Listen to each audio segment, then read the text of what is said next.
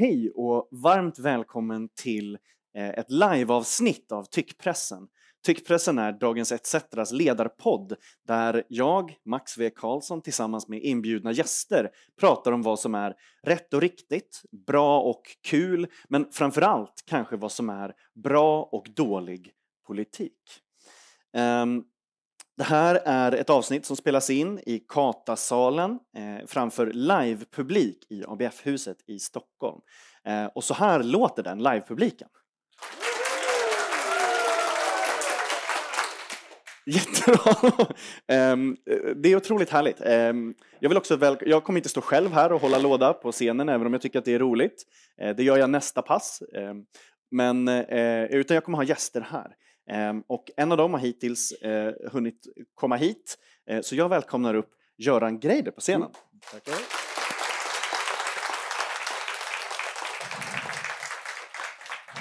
Du får välja vilken stol du Jag sitter här så är jag nära till ja. vatten om jag håller fast mig om jag ramlar. Bra, och min kaffetermos, den ska jag är det det här? Alltså? Ja, visst, okay. visst, det är viktigt. Ja. Viktigt och bra.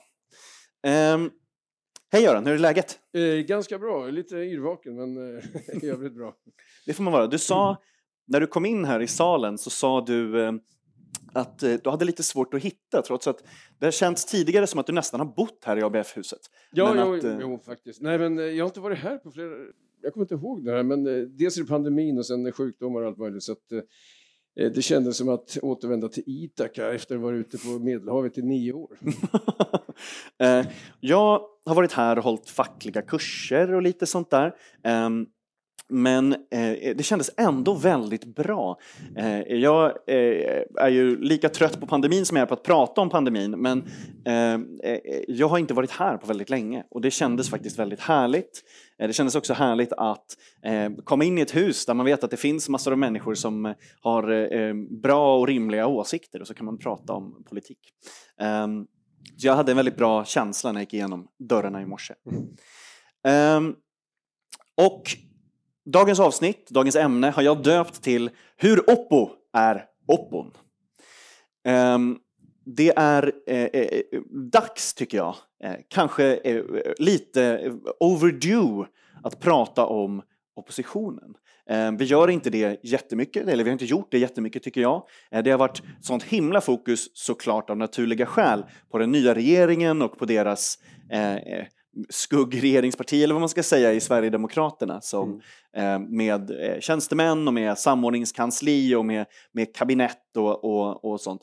Eh, att jag tycker att den parlamentariska oppositionen har slunkit lite undan. Eh, de har inte synts jättemycket, framförallt kanske Nooshi Dadgostar har inte synts lika mycket som, eh, som innan valet. Eh, och, ehm, så jag tänker att vi ska prata om oppositionen. Det är förbud att prata om regeringen. Vad tycker du om det förbudet förresten? Ja, du frågar mig. Mm. Nej, men jag tycker att det, det, är bra därför att eh, man sitter ju dagligdags och tjatar om regeringen och, och försöker prata ner den och det går ganska bra. De, ligger, de har sjunkit siffrorna på, till vad är det, 35 procent eller någonting. Eh, så det går ju bra. Men det är ju på lång sikt väldigt viktigt vad oppositionen gör. Problemet är ju det här med att det är... Jag har ju träffat åtskilliga riksdagsledamöter på den rödgröna kanten efter förlusten här och även före detta ministrar. Och det är ganska knäckande att hamna i opposition. Alltså det måste man ha klart för sig, eh, att det verkligen kan kännas jobbigt. De får inte den mediala uppmärksamhet de fick automatiskt tidigare. Och det är lite grann så att det är ingen som trivs i opposition faktiskt, eh, utom jag brukar säga att de enda som trivs i opposition det är enstaka poeter och olika marxistiska filosofer. De, de tycker det är jätteroligt att vara i opposition. Men i övrigt så mår de flesta som hamnar i opposition, och särskilt om de tidigare suttit i regeringsställning, oftast ganska dåligt. Va? Och det ska man ha klart för sig. Jag, jag såg den här, för, när var det? det var några veckor sedan här när eh, det var, någon, det var en parti, vad var det, partiledardebatt där. Eh, Magdalena Andersson dök upp där eh, i talarstolen och eh, det kändes ju ganska mycket som att hon fortfarande upplevde sig själv som statsminister helt enkelt. Och det har inträffat flera gånger tror jag. Så, så att en, det kommer att ta ett tag innan vi vet, eller ja, de ledande politikerna i oppositionen vet vad de ska göra. Det är lite av ett mindset. Vi såg ju det även med eh, försvarsminister eh, Paul ja. Jonsson till exempel som eh, eh, plötsligt kallade eh, den som han debatterade i riksdagen eh, för försvarsminister. Så han, det hade inte mm. fallit in, eller polletten hade inte trillat ner att han själv innehöll den, det ämbetet. Mm. Det var lite roligt. Ja. Um, och Eh, om man inte har en opposition, då finns det en, en, en jättebra användbar amerikansk term som eh, några använder just nu, eh, som heter All worked up and nowhere to go. Alltså att man blir kanske jättearg på opposition eller på regeringen. Eh, man eh, tycker att massa saker är fel och så har man ingenstans att ta vägen. Det finns ingen som säger vad som borde finnas istället eh, eller som då riktar det här åt ett håll, som säger vad riktningen är och sen säger spring. och, och så. Mm. så all worked up and nowhere to go. Men hur är man egentligen då en bra opposition? Vad ska en bra opposition vara? Ja, alltså på, man får se det på kort och lång sikt. Alltså på, på lång sikt så är det nog så att eh, den bästa oppositionen, det är inte den som alltid ger sig på regeringen. Alltså, nu säger jag R-ordet här i alla fall, du delar väl ut böter på något Nej sätt. Men, jag räknar. ja, du räknar. Mm. Utan den bästa oppositionen är nog den som fångar upp det som rör sig i folkhavet, så att säga, i första hand. Va? Eh, det lyckades ju det nuvarande sittande styret här. Eh, det börjar bli som det på minuten. Ja visst, visst. Så många omskrivningar ja, som möjligt. Ja, Ja. Nej, men de lyckades ju ganska väl. Alltså, de, egentligen var det det de gjorde var ju att de fångade upp ilskan över bensinpriserna och elpriserna framförallt och skjutningarna. Man utgick alltså från vad som händer i folkhavet. Det var liksom prio ett tror jag faktiskt. Och det tror jag gäller även nu. Alltså. Problemet nu är ju bara detta att um, vi är på tröskeln till kanske ett annat Sverige på grund av, ja men vi kan få en lågkonjunktur som kan bli ganska djup. Vi vet ju inte alls var den tar vägen. Men framåt, uh, låt säga januari eller någonting, så kan det ju verkligen vara åt helvete svårt för en massa människor. Eh, och då... eh, och nej, jag trodde det var oppositionen som trädde in. eh, och då blir det lite annat läge. Alltså. Men det, jag skulle vilja påstå att eh, det där är det viktigaste, alltså att eh, fånga upp det här som rör sig i folkhavet. Därför att eh, då får man kraft i det man säger. Alltså det, det, det, är det man absolut måste göra. Sen finns det ju andra saker. Man kan tänka sig Eh, Eh, om vi tar den mest framgångsrika oppositionen någonsin egentligen, eh, tyvärr får jag väl att säga då, det var ju alliansens opposition fram till segervalet för dem då 2006 om ni minns det, det är ju länge sedan. Eh, och där lyckades de ju, utan egentligen hoppa så mycket på sittande regering, alltså, så vann de någon sorts eh, förtroendeseger genom att eh, säga nu samarbetar vi, vi är överens om alltihop och så vidare.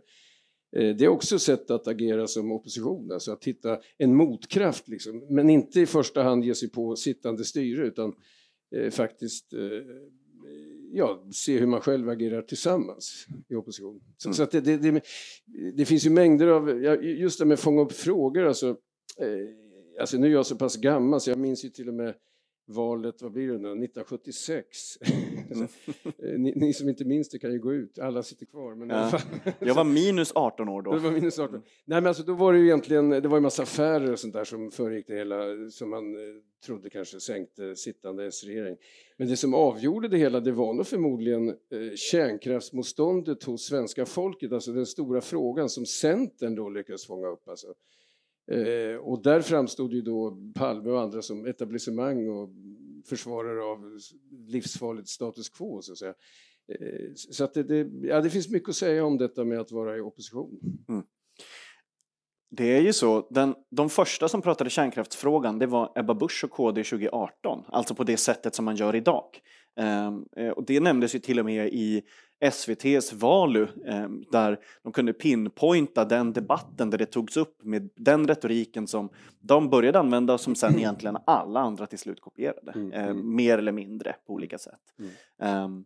Det är, det är intressant. Hur fångar man upp frågor då? Jag måste jag fråga. Så här, när man är eh, politiker, när man inte är verklighetens folk, man kanske egentligen tjänar för mycket pengar, man har helt andra levnadsvanor. Mm. Hur fångar man upp eh, verklighetens grejer? Hur, ja. hur, hur rör man gräs? Hur har man koll på det? Ja, det där är, alltså, det är ju så att eh, svensk politik har ju liksom i sin infrastruktur förändrats ganska mycket. Om man går tillbaka 25 år eller 30 år så fanns det mycket mer av folkrörelsebaserad verksamhet var och en som går på ett arbetarkommunmöte för socialdemokrater runt om i Sverige märker att Alltså för, för, nu, jag drar till med något, men för 30 år sedan satt det 300 pers där, det var en blandning av småföretagare och eh, aktivister av olika slag. Nu sitter det kanske 25 då, personer. Eh, och det är en oerhörd förändring som ägt rum där alltså. Och när det var väldigt många aktiva i partierna Eh, och det gäller framförallt Centerpartiet och eh, Socialdemokraterna och även Vänsterpartiet, eller alla partier egentligen, men framförallt de här folkrörelsepartierna. Då var det ju så att man hade tentakler ute i samhället hela tiden så att säga. Och det där är ju det som vänstern i vid mening är beroende av, alltså att man har de där tentaklerna och de har ju försvagats. Mm. Medan däremot eh, borgerligheten i vid mening eh, har ju alltid den här fördelen av att de har så att säga eh, talesmän i media. Jag menar, det, nu vet jag inte, men nio av tio ledarskribenter är ju borgerliga till exempel. 19 av 22 ledarsidor är höger. Av de alltså, ja, ja. Alltså, så att de har ju ett försteg där hela tiden, eh, borgerligheten när de är opposition och även när de sitter och regerar så att. Mm. Så att, eh, men, men jag tror att det fortfarande är så alltså att det man måste göra är att vara ute bland folk helt enkelt. Det, det, det är det enda som i längden förändrar någonting för då fångar man upp det som eh, eventuellt kan bilda en stark eh, opposition. Mm. Jag tror att det är en förutsättning. Alltså. Men det har blivit svårare, verkligen. Alltså. Det alltså, på vissa... Det märks ju ännu mer kanske på, i landsort och landsbygd där det är färre invånare så märker man hur vad ska vi säga, länken mellan till exempel rikspolitik och det lokala har ju försvunnit därför att de som var bärare av den där länken det var ju de som var aktiva politiker eller medlemmar. De hade koll på vad som hände i EU eller i, i riksdagen och samtidigt så hade de koll på vad som hände på ICA i Dala-floden. Liksom. Mm. eh, och den länken är ju borta. Va? Så att, eh, då har det nästan blivit så att de som är bäst på att fånga upp vad som händer bland folk, eller åtminstone delar av befolkningen, är ju tyvärr Sverigedemokraterna för att de är inte beroende av de vanliga medierna eh, utan de håller på med Facebook och sen bygger de i någon sorts, de har väl ändå byggt någon sorts folkrörelse av något slag, tyvärr då. Mm. Eh, men, men, det är det avgörande tror jag, fånga upp stämningar. Det är intressant för det, det här att vara där folk är då, eh, där folk är som mest, det är ju jobbet. det är ja. där man är, spenderar allra mest tid och det är kanske där då politiken inte är i lika högre grad. Alltså både genom fackförbund men även genom avpolitiserade fackförbund. Akademikerförbund som kanske inte alls är lika radikala som de var mm. tidigare mm. men som representerar miljontals på massor mm. av arbetsplatser.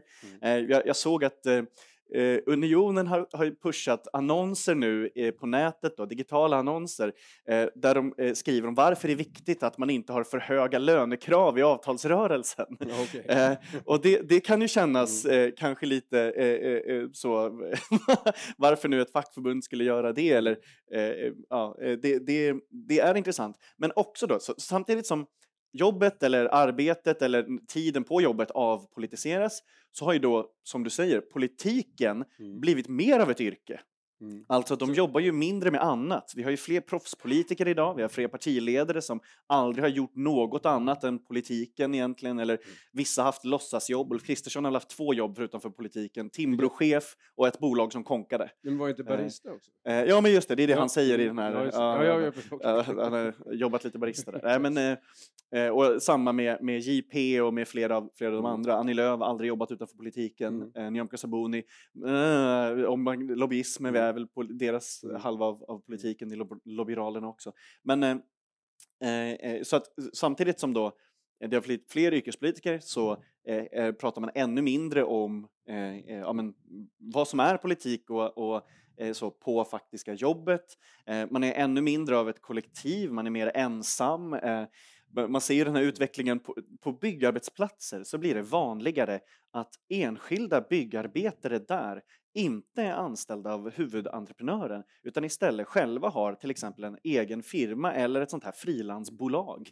Eh, så du jobbar på samma byggarbetsplats, du har eh, samma verktyg, du har alltså samma intressen och osynliga band med alla andra där.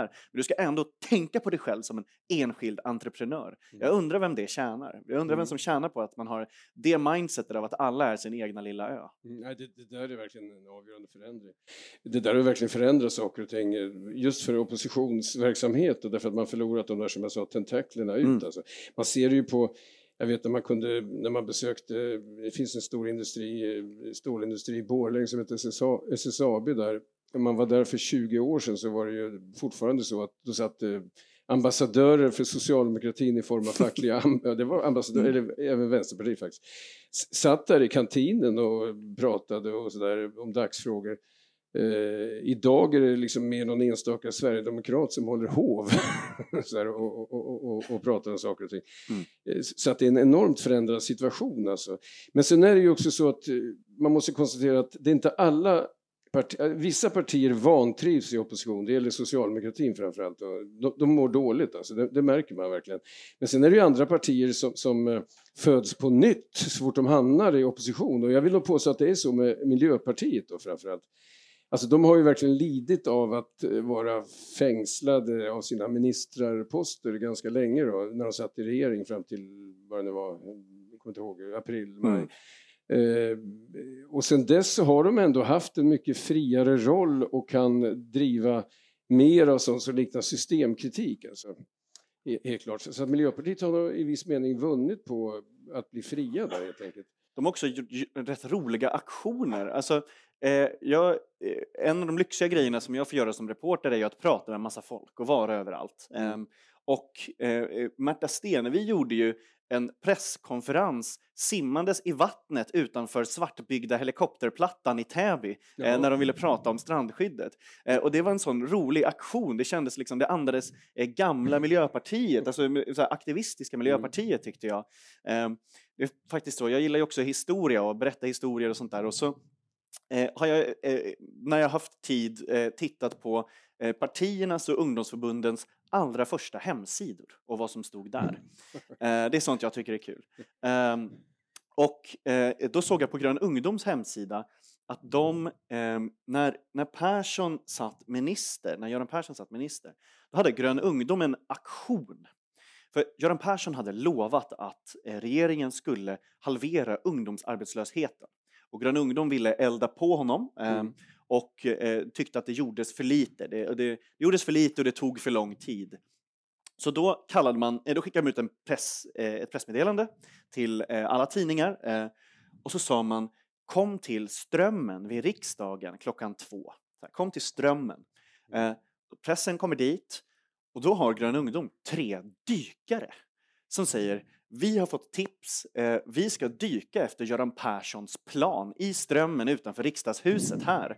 Eh, så de hoppar ner, eh, försvinner under vattnet ett tag och kommer upp och säger det finns inget, han har ingen plan. Och det var hela grejen. Mm. Eh, eh, och det, och det, ja, det är sån där, jag, jag, tycker det var jättekul för att idag hade liksom samma eh, åsikt eller vad som, det hade varit en eh, halvtråkig oläst debattartikel mm, kanske. Mm. Alltså, mm. När de tycker att ja, Persson kunde, kunde ha gjort bättre eller no något sånt. Eh, men jag gillar den, eh, ja, det, och det kändes som det. Vi kanske kan se just från Miljöpartiet, tänk bara om Per Bolund börjar odla ett jätteskägg. Eh, alltså verkligen, som en del tidiga eh, miljöpartister när de kunde, mm. det kunde kännas som de kom direkt ur en koja i skogen, eh, in till politiken.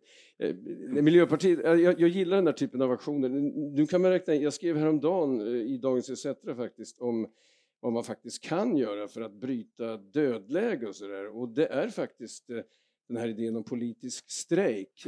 Jag, jag föreslog ju att LO skulle ut utlysa en politisk strejk mot eh, ökad eh, ojämlikhet och så vidare. Och det där är ingen dum idé, för LO har blivit ganska osynligt. Då. Mm. får man lov att säga, både i medierna och eh, på andra ställen. Och där finns det ju en möjlighet om man Alltså en politisk strejk, det är, det är ingen som riktigt vet idag vad som är tillåtet därför att det har inte prövats ordentligt. Men, men Alltså, men man kan också göra saker som man redan vet är tillåtet där. Alltså ja. en, en sån jättestort exempel som man har gjort på massa bilfabriker i Sydkorea nu, det är helt enkelt att sakta ner jättemycket. Ja. Jo, jo, alltså sådana slow down-strejker där du gör ditt jobb, Eh, men du gör det otroligt långsamt. Mm. Det är jättebra. Mm. Ja, det, det, för, för det blir svårt för arbetsgivarna att hävda att man strejkar. Ja. Man bara... Även sådana där alla sjukanmäler sig en dag. Det är sånt som brukar vara effektivt. Det ja, fanns ju i vården väldigt länge också. Ja. Man sa sånt. Alla sjukanmäler sig den här dagen. Bara, bara för att visa dem. Bara för att visa vad som händer. Man underhåller arbetet bara en dag, mm. alla de här. Mm. Nej, men jag tror att en politisk strejk från LOs sida, det skulle kunna, de har inte gjort någon sån på jag tror sedan 1902. Mm. sånt där. Alltså det, det, det, det, kommer att bli... Det är dags! eh, alltså jag tror att det skulle kunna vara ganska befriande framåt, låt oss säga januari, februari om, inför löneförhandlingar och när det dessutom blir kanske väldigt tufft i Sverige för många mm. eh, i arbetarklassen. Att då gå ut och ut, utlysa en politisk strejk skulle kunna väcka en viss uppståndelse. Och det blir ju en del av det vi kallar opposition faktiskt. Som tycks, Verkligen. som i den meningen då kommer från gräsrotsplanet i hög grad. Verkligen. Men om vi fortsätter på Miljöpartispåret. Eh, eh, Miljöpartiet gjorde en sista minuten vänstersväng inför valet, bland annat för att Grön ungdom sa att eh, ni kommer inte överleva annars, eh, partiet kommer dö. Eh, de sa det i väldigt hårda, hårda mm. Eh, korrekta ord. Eh, Vänsterpartiet gjorde enligt vissa en, lite av en högersväng istället i till exempel frågan om drivmedel. Eh, där, eh, åtminstone retoriskt. Mm. Eh, de säger ju själva vi ändrade inget av politiken men det var ju absolut ett skifte. Är trängre på vänsterkanten i oppositionen nu eh, när de eh, har gjort det här? Eh, hur, ja, det hur kommer de här två partierna? Liksom, ja, man, ja, konkurrerar kan, de inte om samma... samma ja, fast man kan ju säga att det är trångt eftersom det är två små partier och det stora partiet har ju fortfarande inte tagit något kliv till vänster, mm. det kan man inte påstå. Socialdemokratin har inte rört sig vänsterut egentligen än så länge. Det är ganska milda saker man har fört fram där. Så att, Eh, jag tror in, alltså än så länge så ser vi inga Problemet är att om man ska röra sig till vänster, vad innebär det för ett stort parti? Ja, det innebär ju två saker. Dels att man kommer med lite mer radikala förslag, då, alltså konkret sakpolitik. Men det andra är ju också att man kommer med en typ av idépolitisk nytändning. Sådär, va? Och, där, och agitation helt enkelt. Mm. Och det finns ju inga sådana förutsättningar nu när man tittar ut över det socialdemokratiska ledande fältet. Alltså det finns ingen, inte, inte en avlägsen tillstymmelse till att någon liknar, låt säga August Palme eller något sånt där. Jag menar, Mikael Damberg, liksom, han är ju bra på många sätt, men han är inte någon agitat. Alltså, det skulle de har verkligen brist på agitat. De har ju en egentligen, och det är faktiskt Peter Hultqvist av alla människor. Tyvärr så har han hamnat i skyttegravarna så att säga, sedan länge, håller på med militära frågor. Eh, men jag har ju hört honom prata i alla möjliga sammanhang och då, jag minns ett möte någonstans, då stod han och Stefan Löfven bredvid varandra inför något val, det, var, det måste ha varit förra valet då. Och Löfven höll ett ganska trist mediokert tal sådär, och så klev Hultqvist upp på scenen och då blev det ett jävla liv bland publiken helt enkelt. Därför han körde med de här demokratiska socialistiska eh, tankefigurerna. Men det är brist på sådana röster inom det ledande socialdemokratiska skiktet och det där blir ett handikapp. Alltså, det har länge varit ett handikapp, men jag tror att det blir särskilt kännbart under oppositionsår. Mm. Så att, eh, men vi får se här vad som händer. Jag menar, någonstans, eh, det framstår som nästan eh, en omöjlig tanke detta att Magdalena Andersson skulle börja prata om mervärde. eller förstår vad jag menar? Ja, alltså, eh, eller bara klass tidigare. Eller, eller, klass, ja, bara, ja, ja. Alltså det, och det där är ett problem tror jag. Så att, eh, jag vet faktiskt inte, jag är lite pessimistisk på den här fronten. Utan, eh, jag vet faktiskt inte hur det ska gå till, att de ska få till någon typ av eh, visionär opposition. Det, det kan bli svårt. Mm. Men sen Vänsterpartiet har ju det här stora problemet när de är, vi ska ju bara prata oppositioner, mm, mm. Eh, har ju det här stora problemet att de får mest utväxling av sin opposition när det sitter en socialdemokratisk regering vid makten. Det är då de kan växa. Det hände under Gudrun Schyman på 90-talet där och det har hänt senare också. Men de får en betydligt svårare läge när, det, när Socialdemokraterna också är i opposition. Alltså. Så, så, att det är inte så lätt för Vänsterpartiet, skulle jag vilja påstå, att hantera den här nya situationen. Mm. Eh, jag kan inte bedöma hur de har gjort det hittills egentligen. Eh, de vill ha en folk-elbil i alla fall. ja, precis. Eh, och det tycker jag låter ganska bra. Vad borde de göra då? Alltså, eh, eh, borde de liksom menar, eh, försöka bygga parti igen eller liksom få medlemmar eller liksom... Ja, det är det menar, som det... alla partier till vänster behöver göra, alltså ja. bygga parti, bygga folkrörelse. Alltså, det, det, går inte utan det alltså, mm. i långa loppet. Och det går inte utan idéer då? Nej, det, hänger, det är verkligen en, en samspel, en dialektik mellan... Eh, har man starka idéer i parti då får man en stark, eh, troligtvis lättare att mobilisera en folkrörelsebas och vice versa. Liksom. Eh, och det där är knepigt alltså. Men jag tror att det är särskilt knepigt för Vänsterpartiet att hantera den här situationen. Därför att det är väldigt mycket också som handlar om den mediala situationen. Eh, det är svårt för Vänsterpartiet att nå ut helt enkelt. Eh, jättesvårt. Det är svårt för socialdemokratin också på grund av att det ser ut som det gör i media. Mm. Um, hur kommer Magdalena Anderssons eh, eh, sossarna att vara i opposition då? Om du får sia lite, om du får titta i spåkulan. Ja, jag tror att, eh, hur kommer de vara? Vi är inne i, först, i den första fasen fortfarande när det gäller socialdemokratisk mm. opposition. Alltså. Och det hör man ju när, när det varit de här partiledardebatterna att eh, Magdalena Andersson ibland eh, sträcker ut en hand då väldigt tydligt till Kristersson och sådär. Och till Johan Persson väldigt mycket också ja, precis det nu. Ja, ja, ja, det kanske jag ja. Eh, och fick en korv i handen. Ja, men precis, precis. det är svårt att veta. Eh, nej, men de är fortfarande inne i den här fasen där de tror att det räcker med någon sorts sakpolitisk eh, handutsträckning. Liksom. Eh, och det kan nog dröja, jag skulle kunna tänka mig att om vi går mot en svår vinter alltså, eh, så jag kan tänka mig om ett halvår eller lite mer så kommer det låta annorlunda. Alltså. Det kommer att bli hårdare. Men det är samtidigt så att socialdemokratin är ju kluven där. Det, mm. det, det var inte bara någon konstig intervju som gjordes med Magdalena Andersson och hon utvecklade frågan om migration i Expressen.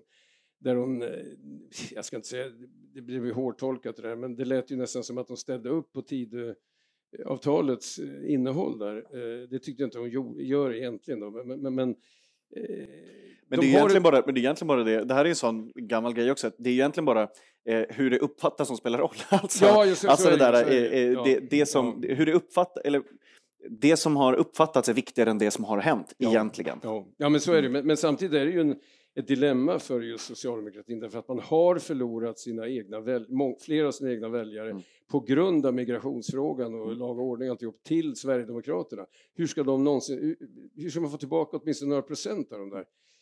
Det är en jättesvår fråga för, för det partiet alltså. Mm.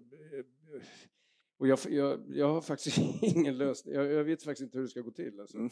Jag, är, jag, är, jag är hoppfull eh, um, um, på, från min kant, eller vad man ska säga. Det, det, finns jätteintressant forskning just nu som görs i Chicago som visar, eh, och det är då eh, Eh, inte helt såklart applicerbart rakt av på, på Europa och, och eh, eh, kanske ännu mindre Sverige, men det finns jätteintressant forskning där som visar att eh, eh, när man har mätt racial sentiment, alltså egentligen rasism, vad folk tycker och, och tänker och har för fördomar om andra raser, då minskar det jättekraftigt eh, eh då, om det är så att man har jättestarka fackföreningar och kollektiv förhandlingsrätt.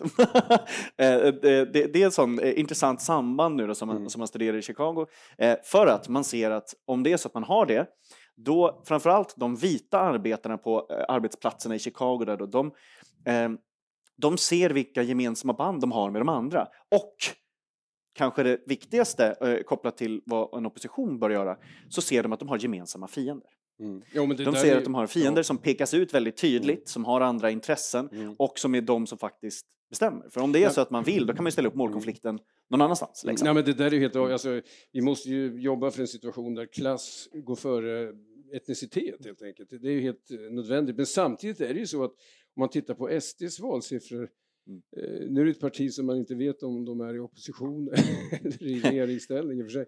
Regering, men, men, men vi kan låtsas att de är i opposition ja, för att få eh, prata om dem. Vi har ju regeringsförbud här. När man tittar på deras röstsiffror så är det ju en ganska stor andel utrikesfödda, mm. utrikesfödd arbetarklass som mm. röstar på Sverigedemokraterna. Och det är förmodligen inte av, då, då handlar det inte längre om eh, frågan om rasism eller etnicitet utan det handlar om eh, lönekonkurrens och sådana grejer. Mm.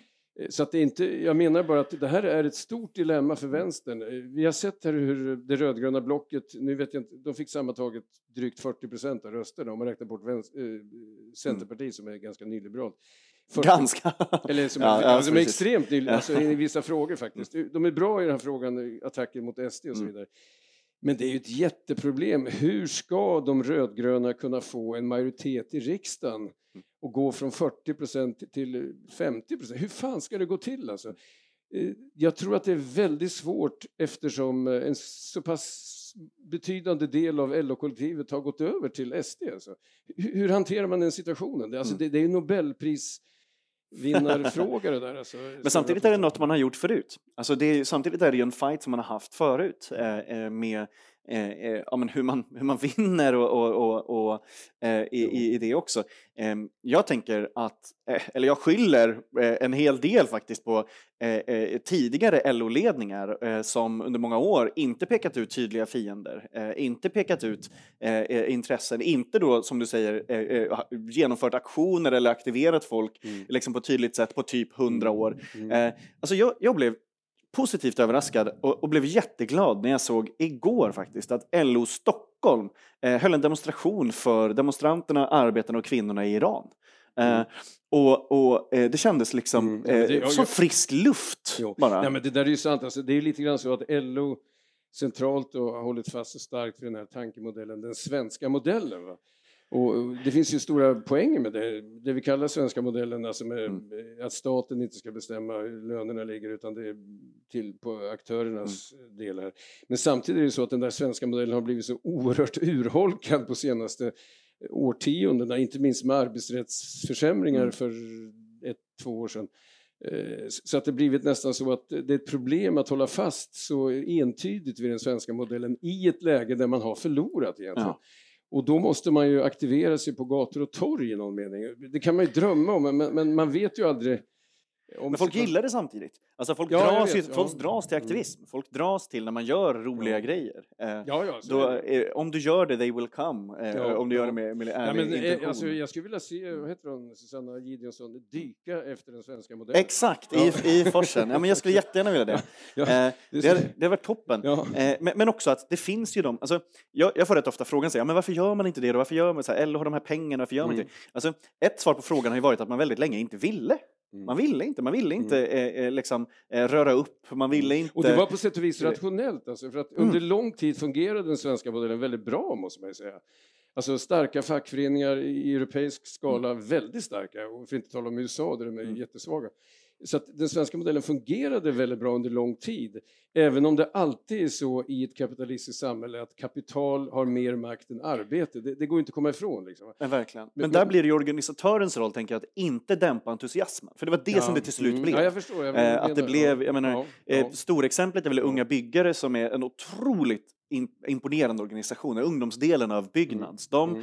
Eh, eh, tycker och tänker och gör saker tillsammans och eget och, och mm. Mm. Eh, på ett väldigt, väldigt bra sätt. Eh, de är ju liksom, menar, om, om man är rädd för, ung, liksom, att ungdomen, för ungdomens högersväng eller sådär, då kan man, mm. det räcker att spendera lite tid med unga byggare liksom, eh, så, eh, som drar till sig precis de som man behöver dra till sig, som pratar precis om det man mm. behöver göra.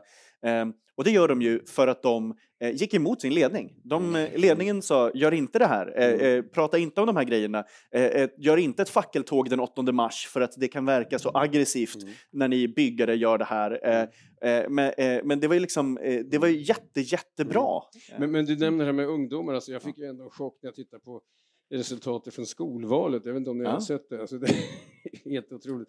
I någon kommun, jag tror det var Vansbro kommun, så i skolvalet så fick, om jag minns rätt nu, så jag tror att SD fick 45 procent, KD fick 23 procent. Eh, Halleluja! Sossarna fick 5 procent. Ja. Alltså, och, och förstagångsväljarna har ju verkligen gått åt höger. Alltså. Så det är en oerhört lång väg att vandra här. Alltså. Det är en bra krok. Eh, klockan ja. två så pratar jag om den här frågan i Z-salen. Ja. Med, med, Liv, med Liv Strömqvist och med Myra eh, Åbäck Örman.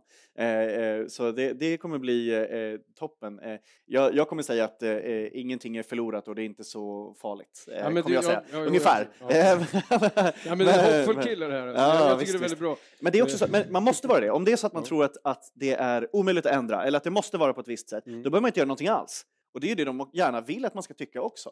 Eh, om det är så att man, man tänker så här, nej men det här är, det här är förlorat, eh, mm. så säger de som inte vill göra någonting. Mm. Eh. Å andra sidan så finns det ju poäng, du har rätt där, alltså, men å andra sidan finns det ju poäng med att vara realistisk. Också, jag håller med. Så man vet hur verkligheten ser Men då förlorar jag hellre. Alltså då gör jag det hellre och förlorar, ja, förstår, än att okay. inte ha gjort det mm, alls. Mm, jag, jag menar, vi är vana mm. historiskt att förlora. Ja, men då, då blir, ja, men det är ju lätt att du blir en Don Quijote. Absolut. Ja, och det, jag menar, jag gillar den romanen, den är jättebra. Cervantes gamla karnevaliska roman, den är väldigt bra. Men, men den är kanske inte ett föredöme för hur vänster ska hantera oppositionen direkt. Nej, jag håller med.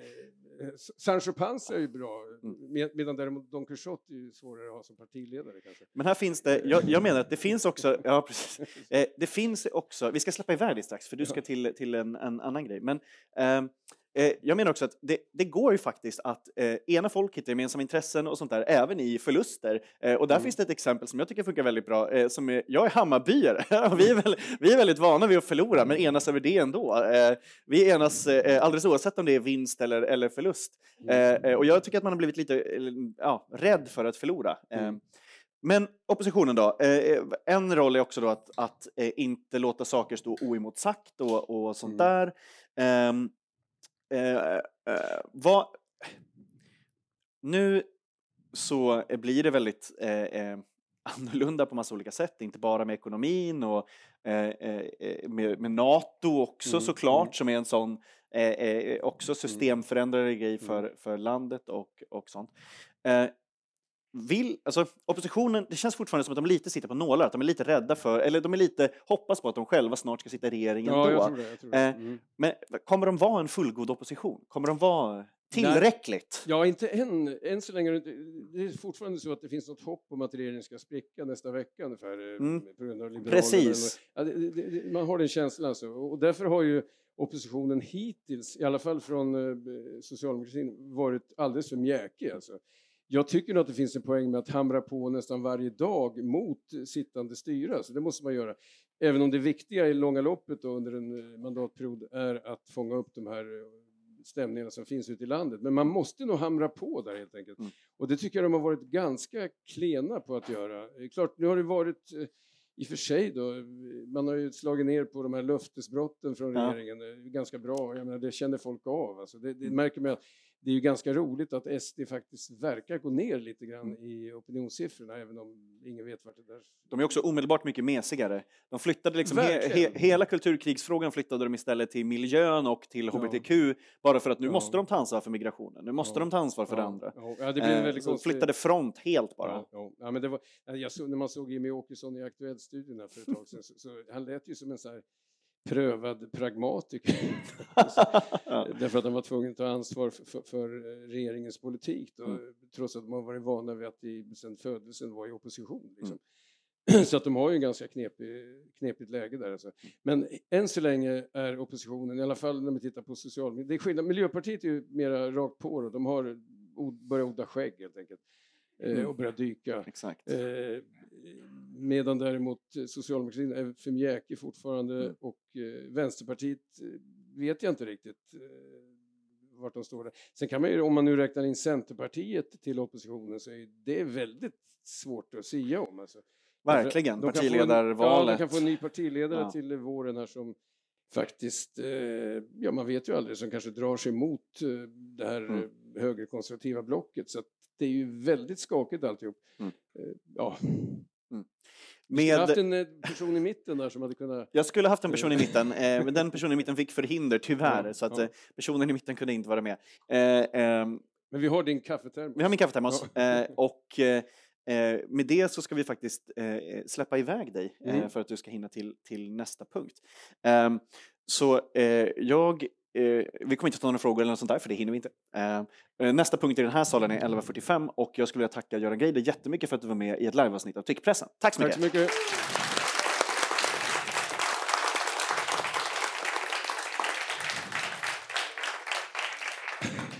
Toppen! Det var det eh, för den här eh, livepodden. Tusen tack för att ni ville lyssna. Eh, den här kommer ut på eh, Spotify om ni vill höra eh, oss igen eller, eller era applåder. Det kommer ut på Spotify imorgon eller i övermorgon redan. Tusen tack! Visste du att 90 procent av medierna i Sverige är borgerliga? Samtidigt har extremhögern byggt upp en hel pamflett av propagandasidor. Dagens ETC är dagstidningen som ger hopp och ryggrad att stå emot den blåbruna sörjan. Sveriges enda röda dagstidning för en grönare värld. Testa att prenumerera idag på etc.se.